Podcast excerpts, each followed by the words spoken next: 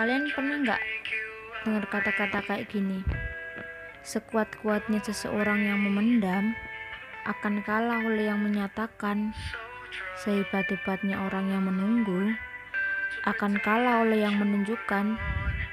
Tapi di sisi lain, nih ya, kita udah nunjukin, kita udah nyatain pada orang yang kita cintai, tapi tetap aja kita yang kalah dalam cerita yang kita buat sendiri.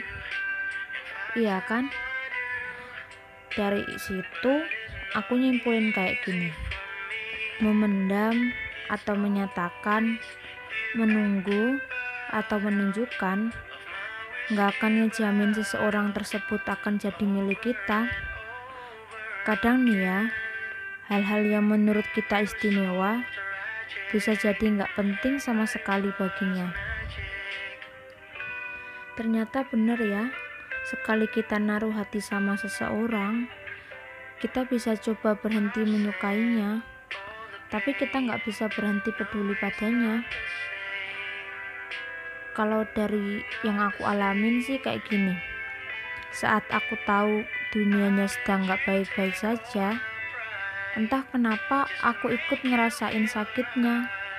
Ya walaupun sering dunia aku sendiri sedang tak baik-baik saja, tapi lagi-lagi peduliku tetap tertuju ke dia.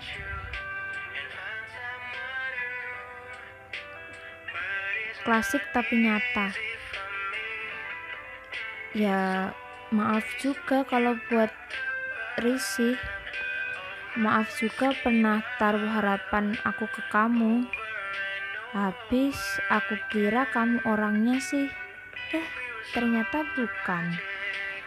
Iya, aku tahu kok kebahagiaan itu tanggung jawab masing-masing.